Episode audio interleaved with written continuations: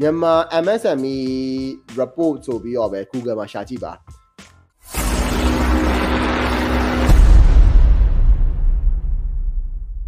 thanks လုပ်ခဲ့တဲ့ blogger community မှာတော့လိုမျိုးတဲ့ဘယ် industry မှာပို့ပြီးလူစုနေရဆိုတာမျိုးမြန်မာ business မှာလည်း e-commerce စက်ရုံလုပ်ငန်းအာအထက်လက်ခံဘယ်နှစ်မှာဒီနှစ်မှာဘယ်ဟာကဒီနှစ်မှာ development အဖြစ်ဆုံးဆိုတော့ chart တွေကိုကြည့်လို့ရတဲ့နေရာရှိလားဆိုတော့မရှိပါဘူးအဲအဲမရှိပါဘူးဆိုတာ Deloitte ညာ တော်တော်လည်းမရအောင်အမှန်တကယ်အဲ့ MSME ကနေပြီးတော့အရင်တော့ထုတ်ပေးတဲ့ဟာတွေရှိရယ်အခုမထုတ်တော့ဘူးဆိုတော့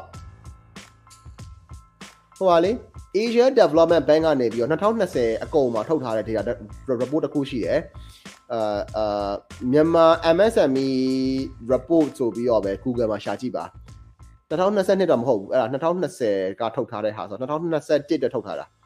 2020မှာ survey ကောက်ပြီးထုတ်ထားတာ2021မှာ survey မကောက်လိုက်ဘူးဆိုတော့ဒါပေမဲ့သူက exact နဲ့ထွက်လာတာထွက်မှာဆိုလို့ရှိရင်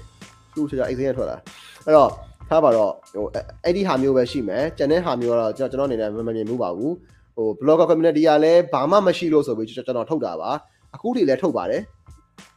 မဖြတ်နိုင်ပဲရှိရတာပါအဲ့ဆို internal မှာကျွန်တော်တို့က PO marketing တွေ run နေရတာဆိုတော့လေအဲ့တော့ဟိုကျွန်တော်တို့ကြည့်ဖို့ကျွန်တော်ထုတ်ပါတယ် အဲ့တော့အဲ့ဒီအဲ့ဒီဟိုဟို report တွေက again ပေါ့နော်ဆော့ဆော့ပြောသလိုကျွန်တော်တို့ဒီ FYI marketing media မှာကျွန်တော်ဆက်ပြီးတော့အာ paid subscription အနေနဲ့ဟိုတင်ပေးဖို့ကိုလည်းဟိုစဉ်းစားထားတာရှိပါတယ်ဆိုတော့ yeah အဲ့တော့ကြောင်ညာဝင်မယ်ပေါ့နော်ဟိုကျွန်တော်တို့ subscribe subscribe လည်းလုပ်ကြပါအောင်လို့